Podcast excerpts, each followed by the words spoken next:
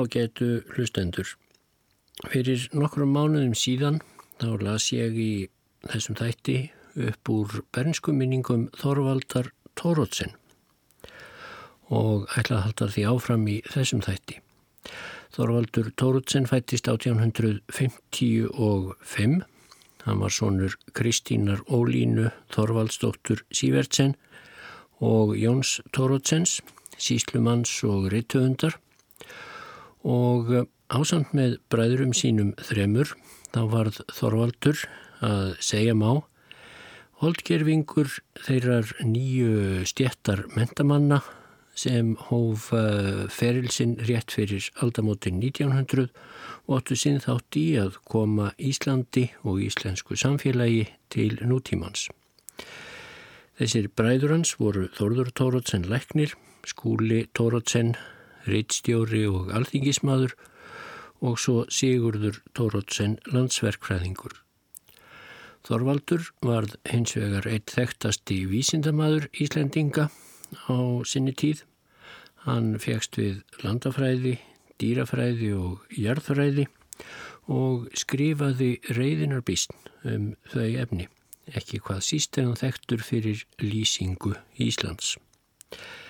En ég var sem sagt að lesa úr eh, minningabók Þorvaldar Tórótsen á síðast ári og þar var komið sögunni árið 1866 þegar Þorvaldur var 11 ára gammal að hann flutti úr föðurhúsum og móður og til Reykjavíkur þar sem hann settist í skóla og hann skrifaði sjálfur um þetta. Haustið 1866 fór ég alfarin til Reykjavíkur og var komið fyrir hjá Jóni Árnasinni bókaverði og frú Katrínu móðursistur minni, en þau voru þá ný gift. Átti ég fyrst að læra almenn fræði í Reykjavík og svo búa mig undir skóla. Þau hjón urðu mér bestu foreldrar og tóku mig algjörlega til fósturs þegar fadir minn fjall frá tveimur árum síðar. Fadur minn hafði beðið kunningasinn Svein Skúlason sem þá var kennari við barnaskólan í Reykjavík að kenna mér undirstöðu vanarlegra skólanámskreina, sögu, landafræði og latínu. En í dönsku reikningi hafði ég þegar all góða undirstöðu heimanað. Með mér voru í kennslu hjá Sýra Sveini, Úle Möller og Hjörtur Lindal. Kennslan var því miður einn auðmasta sem hugsast gatt. Sveitn Skúlason var endar greindur maður og vel að sér í mörgu en hann drakk þá mjög mikið og var því oftast fatlaður. En það hafði hann kennslu þessa alveg í hjáverkum. Fjekk þá ímsa skólapilta sem þá voru í kosti hjá honum til þess að hlýða okkur yfir. Til dæmis Stefán Haldursson, Stefán Sigfússon og aðra þeirra líka. Það má næri geta hvernig súkjensla varð og hvaða lotningu við bárum fyrir kennurunum eða hitt og heldur en það lærðum við ekki neitt nema það sem okkur sjálfum síndist. Um vorið 1868 kendi Guttormur Vigfússon mér latínu í nokkrar veikur. Hann var þá einna nafntogaðastur latínumadur í skóla. Frá honum fekk ég heið litla í latínu sem ég kunni þegar ég kom í skóla en í þá daga var aðal áherslan lögð á latínuna, engum á latneskan stíl og voru menn fluttir millir bekja eftir því hvernig þeir stóðu sig í honum. Það kom því fyrir að klauvar í latneskum stíl voru látnir sitja 2-3 ári í sama bekk þóttir væru vel að sér í öðrum greinum. Jón Árnason var þá biskupskrifari, fyrst hjá Helga biskupis og hjá doktor Pétri þánga til um haustið 1867. Jón bjó í húsi Helga Biskups uppi á lofti. Það hús hafði Arends snikkari áður átt og byggt en setna kifti Bjarni á Esjubergi húsið og svo komst að eigu Þorlóks Jónsons Veslunarmanns. Herra Helgi bjó niðri, hann var þá búin að segja af sér og var oft lasinn af sjúkdómið þeim sem dróðan til dauða haustið 1867. Helgi biskup var þá orðin ákaflega feitur og þungur og átti ílt með að hreyfa sig, en það fór hann aldrei út það ég vissi til. Annan veturinn sem ég var í Reykjavík var Jón Árnason orðin umsjónarmadur við lærðaskólan og fluttur í skólahúsið. Hann tók við þeirri stöðu 30. júli 1867. Björn Guðmundsson, setna múrsmiður og timburkaupmaður, var þá vinnumadur hjá Jóni Árnasinni.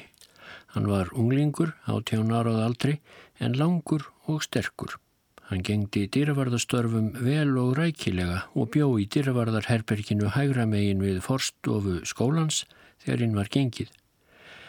Þar hafði hinn svo nefndi Ólafur Fagri búið áður meðan hann var dýravörður. Björn var nokkuð skildur, Bjarnar rektor og var sögn pilda að þeir Þorgarður og Írafels móri hafi líka stundum glekst við hann þegar þeir voru að finna rektor. Jón Árnason hafði döðherbergi til íbúðar að austanverðu við hinn langagang sem gengur eftir öllu skólahúsinu, hafði annað fyrir skrifstofu en innra herbergið fyrir svefnirbergi. Að vestanverðu við gangin var þriðja herbergið sem kallað var vesturstofa, það var milli portnaraherbergisins og þriðja bekkjar A sem var einsta stofan í suðvesturhorni skólans. Vesturstofan var höfð fyrir daglega og gestastofu. Geimsluherbergi og vinnukonuherbergi voru upp á háalofti. Þar hafði Jón Árnason líka bækur sínar í kompu sem var hálfundir súð í suður enda loftsins við hliðin á sjúkrastofu skólans. Af þessum flutningi Jóns Árnasonar í latínuskólan leiti fyrir mig að ég kynntist skólalífinu og tók þátt í því heilu ári áður en ég kom í skóla, leik mér við hérna yngstu skólapilta og tók þátt í gladvarðum þeirra. Ég var í skólahúsinu eitt árundir stjórn Bjarnar Rektors þó ég væri ekki skólapiltur. Mér stendur Bjarni rektor enn fyrir hugskottsjónum þessi óurlegi belgjaki, bæði hár og digur og jötun sterkur og gengur margar sögur af afli hans. Röttin var sömuleiðis ákaflega mikil og dimm og drundi við í skólanum þegar rektor hafði hátt, var hann að hvort að setja ofan í við pilda eða kalla á ráðskonu sína gróu. Ég man til dæmis eftir því að rektor ætlaði á útreiðatúr og var komin niður að húsi Teits Fimboassonar dýralæknis við kirkjuhornið en þar stóðu hestarnir. Þá öskraði Bjarni, komdu og byttu betur á mig sporana gróa en ráðskonan stóð hjá skólatröppunum. Bjarni reyði í stórum stígvelum og með spora en um þá hafði losnað. Þegar Bjarni Jónsson kom til skólans hafði þar verið mikil óöld og agaleysi og er engin evi á því að skólinn batnaði mjög á dögum Bjarni því hann var strángur og stjórnsamur og þóldi enga ólíðinni. Hann var svo stórbrotinn í framgöngu og mikil fenglegur í útliti að engin þorði að mjemta eða skremta móti honum. Það var engin vanþörf á að fá slíkan mann eftir perreats árin frægu í skólanum þegar skólapiltar höfðu gert uppreist gegn rektor sínum, Sveinbyrni Egilsinni. Bjarni gerði sér engan mannamun og hann agaði til dæmis ekki síður síni Trampe Greifa, aðstamanns Dana í Reykjavík, heldur en aðra pilta. Bjarni Jónsson horfi ekki í ef svo bara undir að berja á piltum og jafnvel á kennurunum líka. Hann var bráður, en reyðin raug þó fljótt úr honum og laus var hann við langrækni. Laungu setna sagði Gísli Magnússon okkur frá því í kjenslu stund að Bjarni rektor, sem hann kallaði alltaf þessi Altanes Bjarni, hefði reyðst við sig, kallaði sig inn til sín og lúbarið sig. En svo saði Gísli að hann hefði tekið portvinsflösku út úr skáp, bóð honum glas og sagt við nú ekki að drekka okkur eitt glas af portvíni, Magnúsin og ég þorði náttúrulega en drekka með honum, sagði Gísli.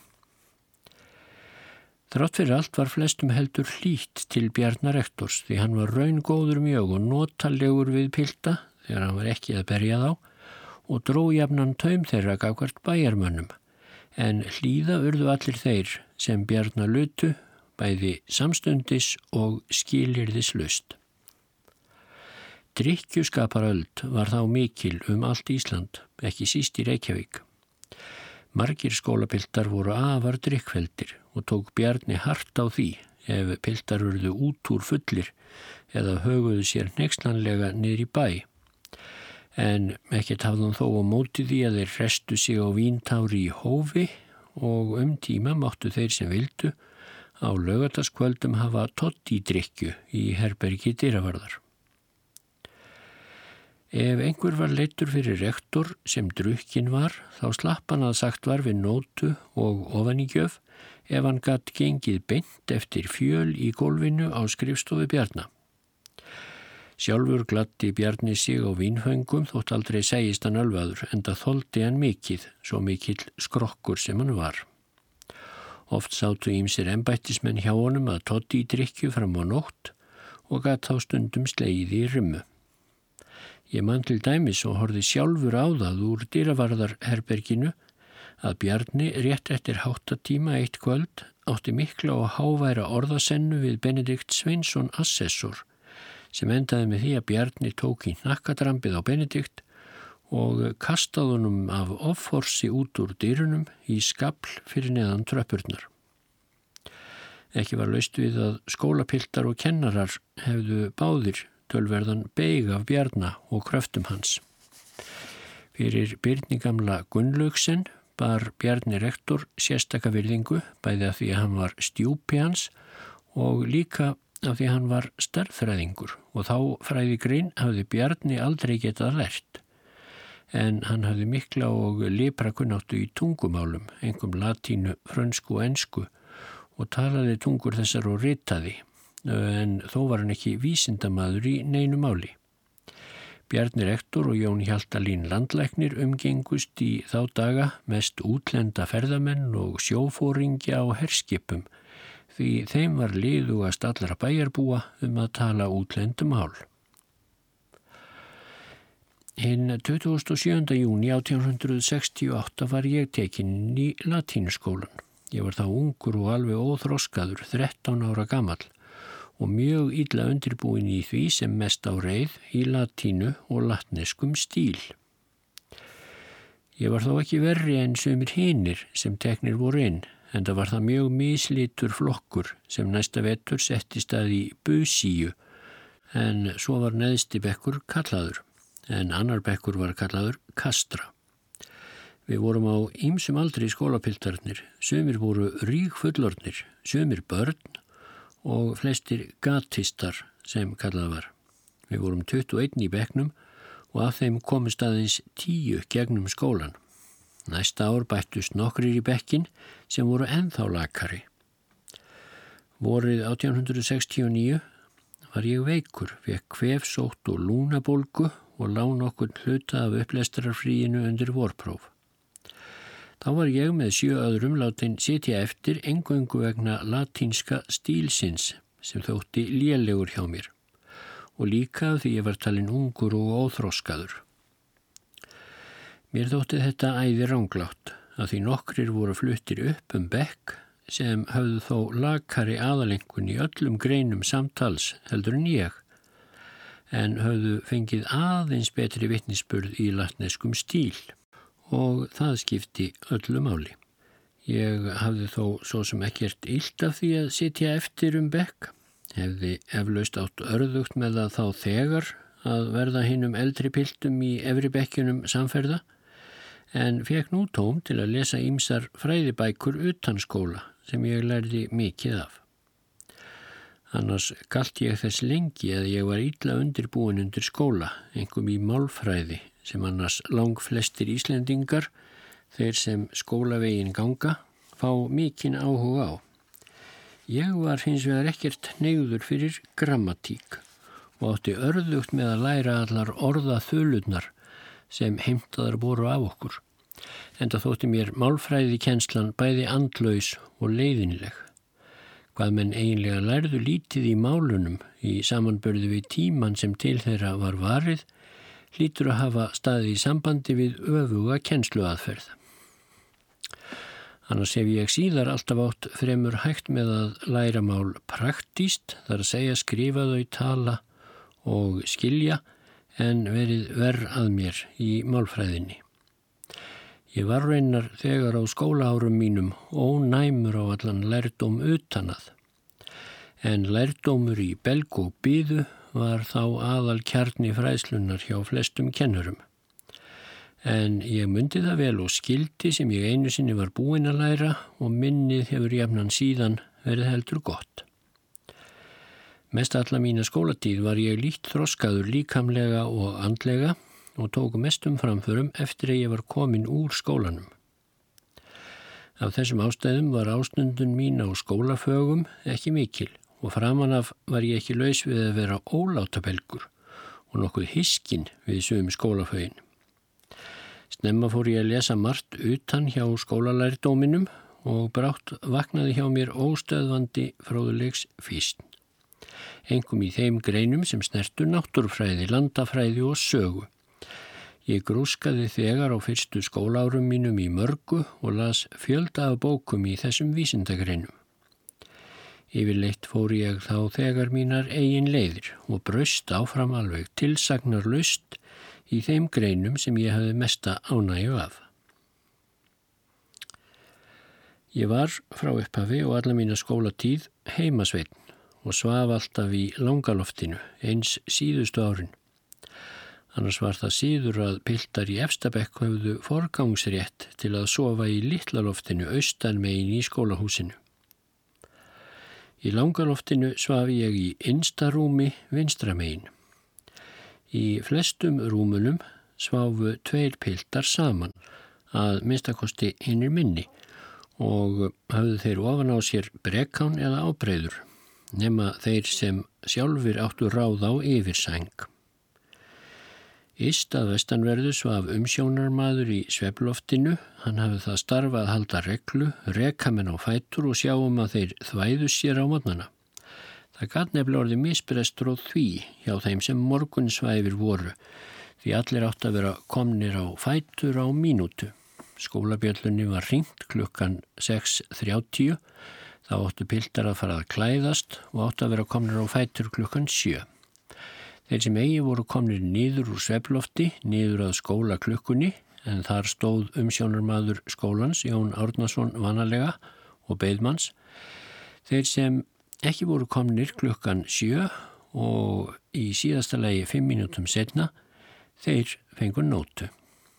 Síðan voru piltar hver heim til sín til að drekka morgun kaffi og átt að vera komnir aftur í skólan þegar klukkunni vantaði tímindri átta til morgun bæna. Í norður enda langaloftsins var þvottaborð um þvert herbergið með þvottaskálum úr blikki og handklæðum. Þar stóðu eini eða tvær vastunnur og þar voru líka stórir balar sem menn notuðu sem næturgögn því ekki voru koppar hjá hverju rúmi. Ofta er mjög kallt á þessu sveplofti því þar var þá engin opn og urðum við stundum á mótnanna þegar við þóðum okkur að brjóta þykkan klaka á vastununum. Stundum átti umsjónarmadur í langaloftinu ekki of gott að læja háfað og skraf fram eftir kvöldi þegar búið var að slökka en það vildi svo til að Svefnirbergi rektors var næst sunnan við langaloftið svo menn þorðu ekki að hafa mjög hátt. En hleri lítill í vegnum sem rektor gæti opna til að aðtóa hvað framfór og stilla til fríðar kom Bjarnar að góðum notum þegar hann vildi þakka niður í okkur. Á kvöldin, frá því kveikt var í loftinu og þanga til slögt var, let Jón Árnason lesa hátt, vanalega Íslendingasögur í langaloftinu, en gekk sjálfur um golf með umsjónarmanni loftsins og hlustaði á, tók stundum fram í, útskýrði eitthvað fyrir okkur, bætti við eða let hrjótan okkur gamanirði, en það var Jón manna kýmnastur hnittinn og fyndinn í orðum á íslenska vísu. Þessi lestur var mjög vel fallin til að halda reglu þegar menn urða fara að hátta. Þegar komið var í skólan á mornana klukkan 7.50 voru haldnar bænir og tónuð var sérstök bæn, svo var lesið í bænakveri doktor Peturs og sungið vers á undan og eftir. Kennarar voru alltaf við bænirnar til skiptis og litu eftir okkur. Piltarnir lásu og tónuðu allir til skiptis var byrjað efst á skólaröðinni og haldið niður eftir. Stundum bar það við að tónið var ekki sem áheyrilegast á matnana eða piltur fór út af læginu af heimni eða klaufaskap. En vanalega voru menn vel æfðir á undan og létu hinn að eldri pilta kenna sér. Við kvöldbænirnar voru hins vegar aðeins heimasveinar en þá var líka sungið, lesið og tónað og Jón Árnason var þá við. Kennslustundir byrjuðu klukkan átta á mótnana eftir þetta bænakvak og stóðu til klukkan tvö nema þar við bættist til skiptis fyrir bekkina leikfimi frá tvö til þrjú. Morgunverður var getinn á 11. tímanum og var sá tími kallaður korterið. Þá verðu þeir piltar sem fjari byggu til dæmis alla leið út á hlýðarhúsastíg að hlaupa í einum spreng fram og tilbaka og hafðu lítinn tíma til að matast. Var skrítið að sjá frá bænum þegar piltar ruttust út úr skólanum í korterinu og hlupu niður skólabrúna eins og fætur tóguðu. Frá klukkan 2 til 4 var kvildartími nema fyrir þá sem fóru í leikvimi og svo miðdegisverður. En klukkan 4 áttu allir heimasveinar að vera komnir aftur inn í bekki til undirbúningslesturs. Á lestrartímanum gáttum en fengið bæjarleifi hjá Jóni Árnasinni umsjónarmanni og voru þau skrifuð í sérstakka bók, lögð saman og lesin upp við mánadarröðun og þótti það mingun ef fríin voru of mörg. Kvöldmatartími var svo frá 7 til 8 og svo aftur lestrartími frá 8 til 10, þá kvöldbænir og háttatími var á 11. tímanum að kvöldi.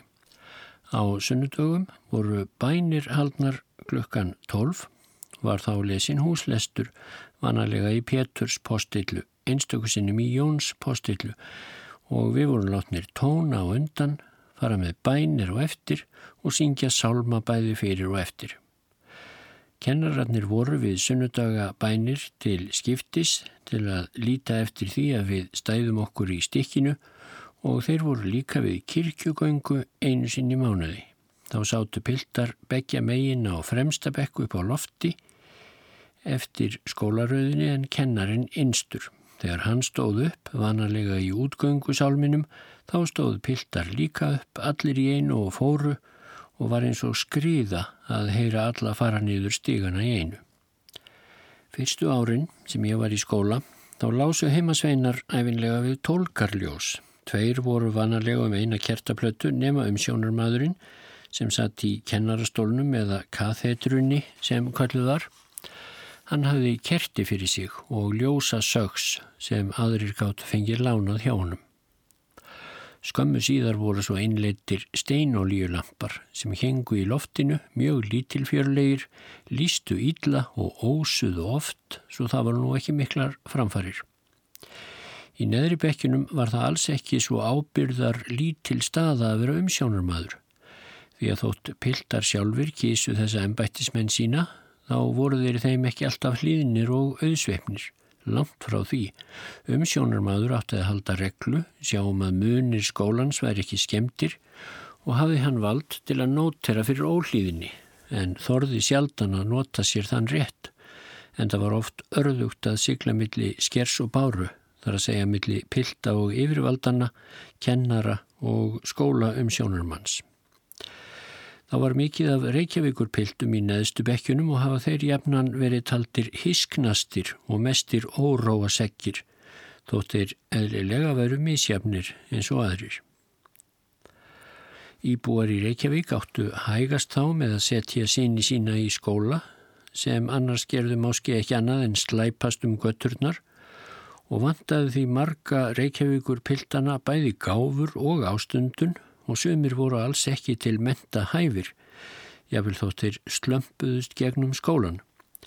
Eðlilega voru sumir reykjavíkur piltar innanum og saman við ágætlega hæfir til skólalærdums, það skal tekið fram. Piltar í neðstubekkjunum voru þá mjög misjafnir að aldri þóttir lærðu saman. Sumir fullornir menn langt yfir tvítugt en sumir bara 12-14 ára drengir og var því valla við öðru að búast en að oft væri róstu samt, bæði innan bekkjar og milli bekkja. Milli fyrst og annars bekkjar, busa og kastringa var sífælt og sjálfsögð styrjöld sem staðið hafði frá ómunna tíð og endur nýjaðist með hverri kynsluð.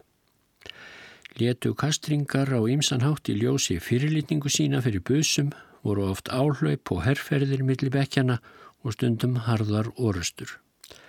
Meðan ég var í neðstabekk gjörðu kastringar alloft herrlaup á fyrstabekk og vörðum við oss með hnúum og nefum. Var þá meðal annars fundið upp á nýju vopni, kramarhúsum sem voru að hálfu fulla vatni og að hálfu af ösku og voru þessar bombur sprengtar framann í óvinnina. Var þetta fremur sóðaleg bardagaðferð og brast vanalega flótti í lið þeirra þegar þessum vopnum var beitt. Gestur Pálsson, síðan reittuundur, var þá í fyrsta bekk. Hann var væskilað burðum og hugdegur en túlin á honum var óbílandi. Hann höfðum við standandi upp á bekk eða borði bak við fylkinguna og skammaði hann óvinnina óspart og augraði þeim í snjöllum ræðum að okkur fannst.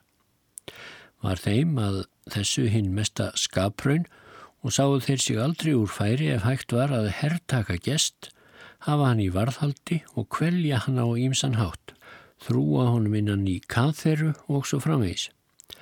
En oftast voru einhverjir sterkir látnir fylgja gesti sem lífvörður þegar hann kom í námunda við annan bekk. Þegar gestur hafði verið tekinn þá verðum við busar að gera herrferð til að frelsa hann úr höndum ofinnanna og var stundum að gera margar atrennur áður en það lánaðist eða einhver var tekinn í gíslingu í hans stað og pindur á sama hátt. Eitt sinn skoruðu kastringar busa á holm út í leikfimihúsi á frídegi var það hörð orusta, mörg glóðaraugu og blóðnassir og hafði koru úr sigur. Það var ekki endur tekið aftur en það allt of hættulegt og hrottalegt fyrir yngri drengina sem hæglega gáttu orðið fyrir miklum meðslum í þessum atgangi. Einsinn í mánuði var mánadarfrí, hálfur dagur frá korterinu til klukkan átta eftir hátegi fyrir heimasveina.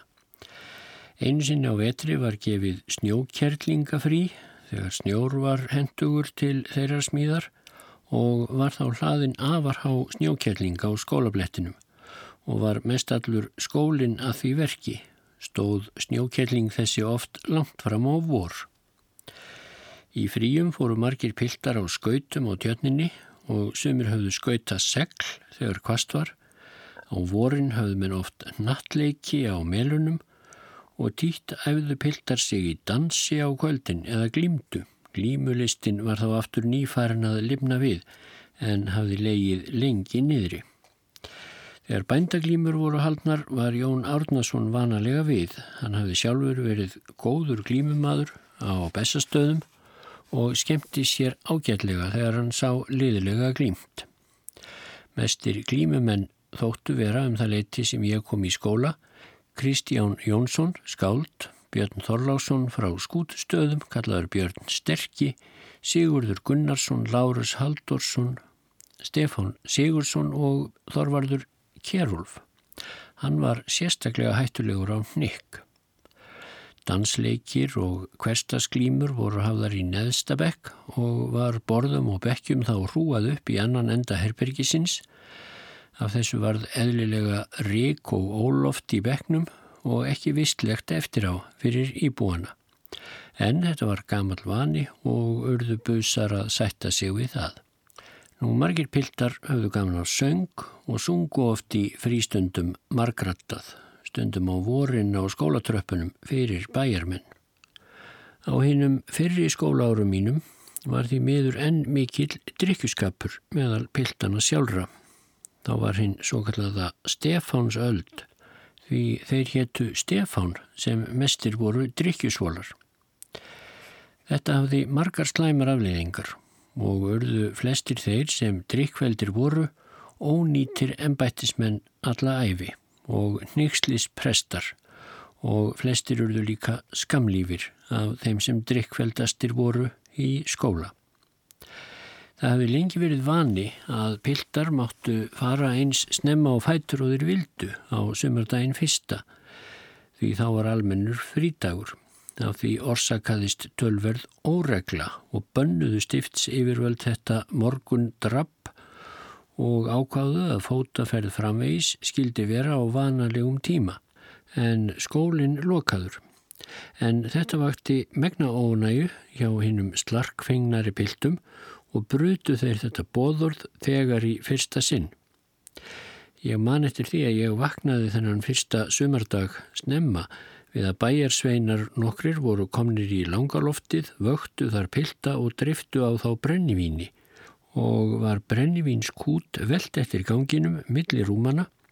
Þorleifur Jónsson hafði útvegað sér líkil að skúrdýrunum og komust bæjarsveinar þar inn fór allur helmingur bæjarsveina út með þeim og upp í hold og varð úr þessu mikið drapp og óregla allan daginn. Við hinnir yngri sem andstíð höfðum á drikkjuskap við urðum að sjálfsögðu eftir. Aldrei tók ég þátt í neinu slarki í minni skólatíð og mátti valla heita að ég hafi bragðað áfengi þegar ég fór úr skóla.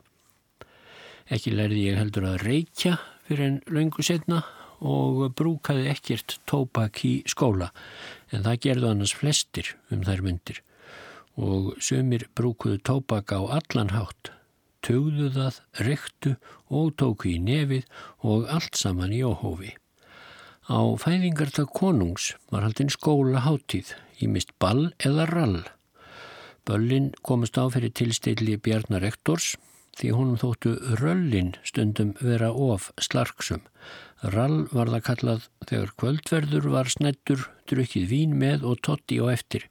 Voru þá kvæði sungin fyrir minnum og haldnar margar ræður og var það gamal síður að einhver hinn að færustu af piltunum mælti fyrir skál rektors á latínu og varð skólastjóri að svara á sömu tungu.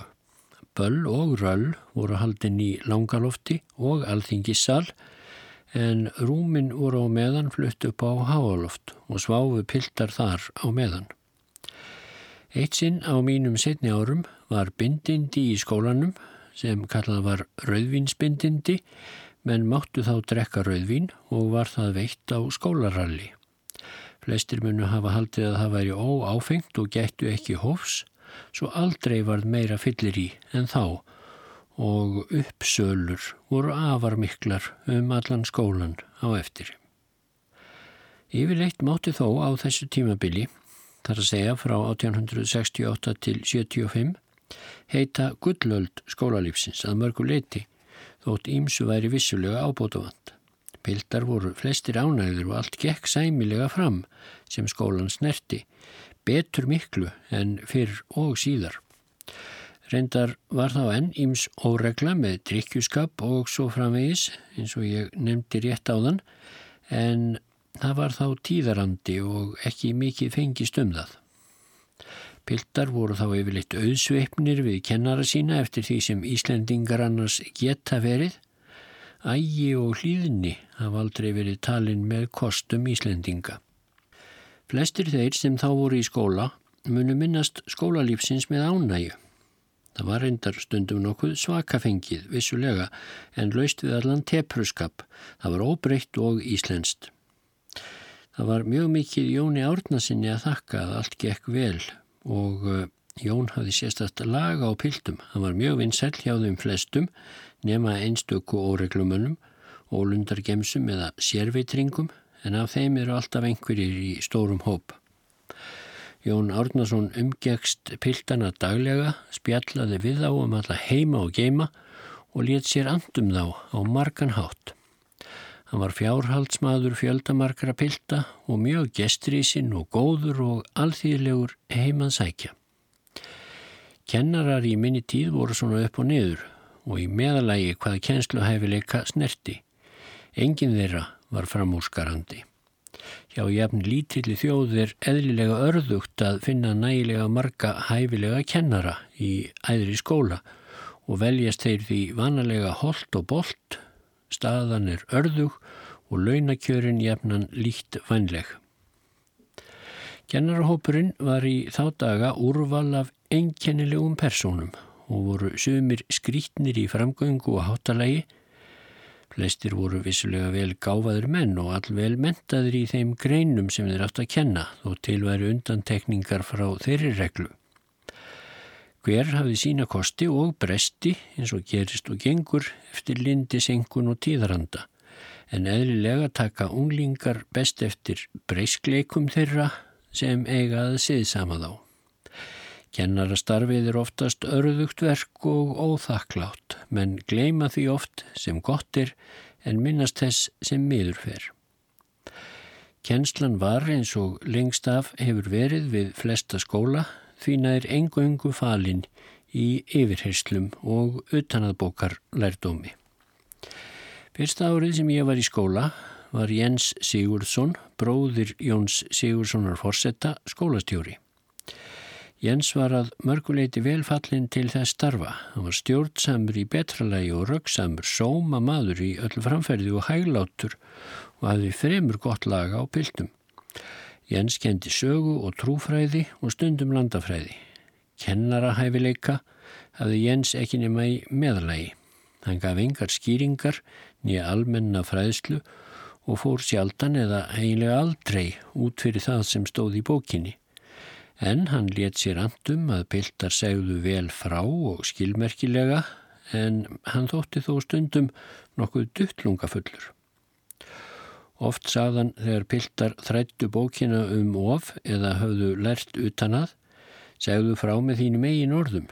En þó gata komið fyrir að hann segði, ætli sé ekki best fyrir þig að fylgja bara bókinni. Í trúfræði kendi hann kennslubók Liskovs sem var ákaflega þurr og leiðinleg og átti svo bók mikinn þátt í því að flestir piltar fengu óbeitt á þeim lærdómi, trúfræðinni. Í landafræði kendi hann kennslubók eftir Ríse sem var ekki annað en þurrar upptalningar sem unnurða læra utanað. En önnur kennsla í landafræði var ekki á bástólum. Jens var því miður engin fræðimaður eða vísindamaður og hann var mjög ólíkur Jóni bróður sínum í þeim greinum. En það hafði hann gorki gáfur Jóns nýja skarpskegni. En Jens var fengulegur og elli og fyrirmannlegur. Hann var nokkuð stórskorinn og lotin í herðum. Jens Sigurssonar nöyt ekki lengi við. Hann andaðist annan november 1872, varð bráðkvattur, sentum kvöld. Ég man vel eftir þessu kvöldi. Það var nýlega búið að slökkva ljós í langaloftinu þegar frú Ólöf, eigin kona Jens, opnaði hleran í enda svefloftsins og baði einhverja pilda að koma og aðstóða sig því manni sínum hefði snöglega orðið ílt. Nokkrum dögum áður hafði Jón Strömfjörð sem svaf í næsta rúmi við mig í langaloftinu dremt fyrir þessu. Fannst hann í svefni vera niður í bæ og líta upp til latínuskólans og síndist honum þá skólin vera eins og líkista í læginu. Svo ég nefni fleiri kennara, þá var Jón Þorkelsson yfirkennari og setna reyndar rektor. Hann kendi grísku og latínu og fraknesku í fjörðabekk. Jón Þorkelsson var kennari í betra meðalagi, mjög lærður málfræðingur en lít að sér í öllum öðrum greinum. Hann var allur í málfræði grúski sínu en var fremur ólægin á veraldlega hluti. Jón Þorkelsson var snirtimaður í framgöngu og kom vel fram við ofinbært tækifæri og helt á snjallar ræður þegar svo bara undir. Ekki hafði hann þó laga á að stjórna piltum og gerðu þeir sér stundum dælt við hann.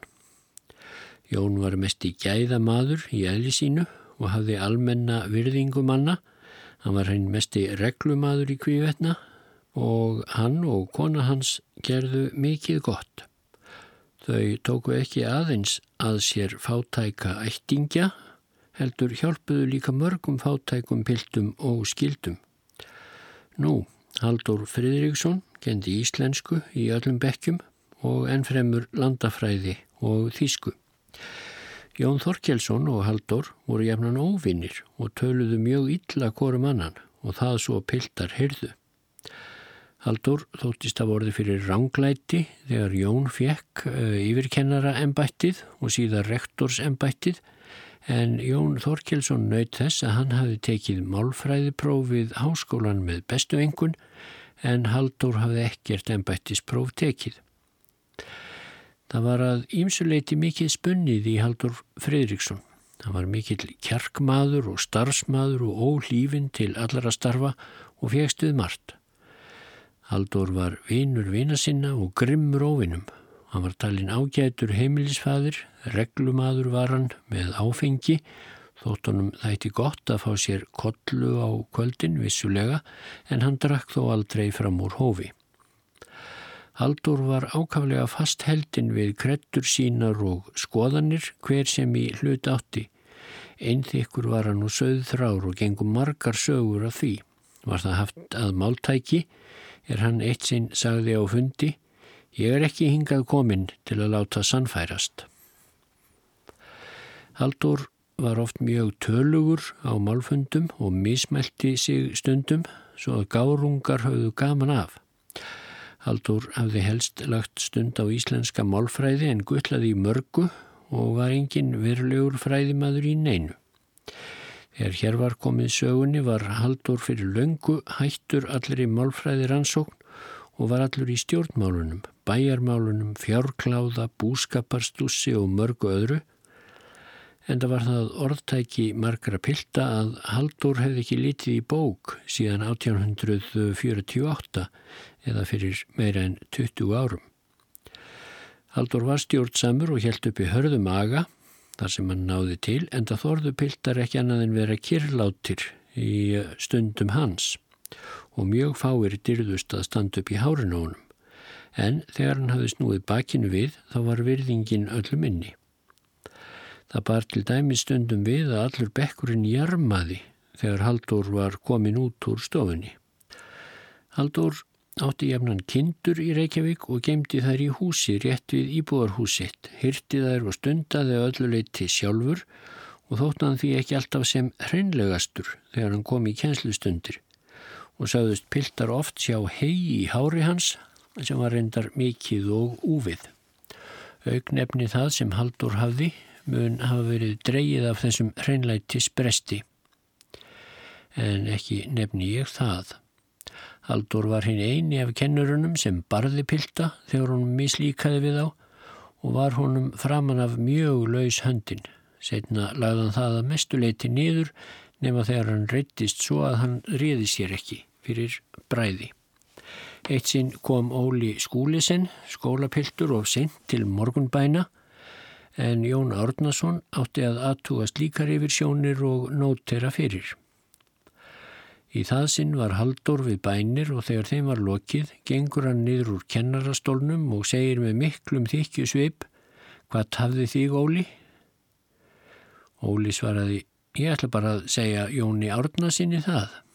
Það var ekki að sökum að spyrja Haldur réttur honum vænan kinnhest en Óli bar hann af sér og svo hvern af öðrum en Haldur kom engu höggja á sökutólkin en piltar stóðu allt í kring Um leið og höggin riðu af, saði Óli ofur stillilega, verið þér ekki svona reyður, Friðriksen, þér verið þá svo ljóttur í framann.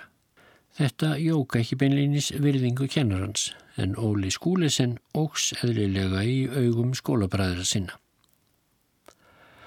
Haldur gekk ríkt eftir því að menn læriðu hinn að íslensku málfræði orður rétt. Kennslan var engungu innifalinn í yfirherslu og utanað lærdómi en bókin var ákaflega íll yfirferðar og leiðinleg.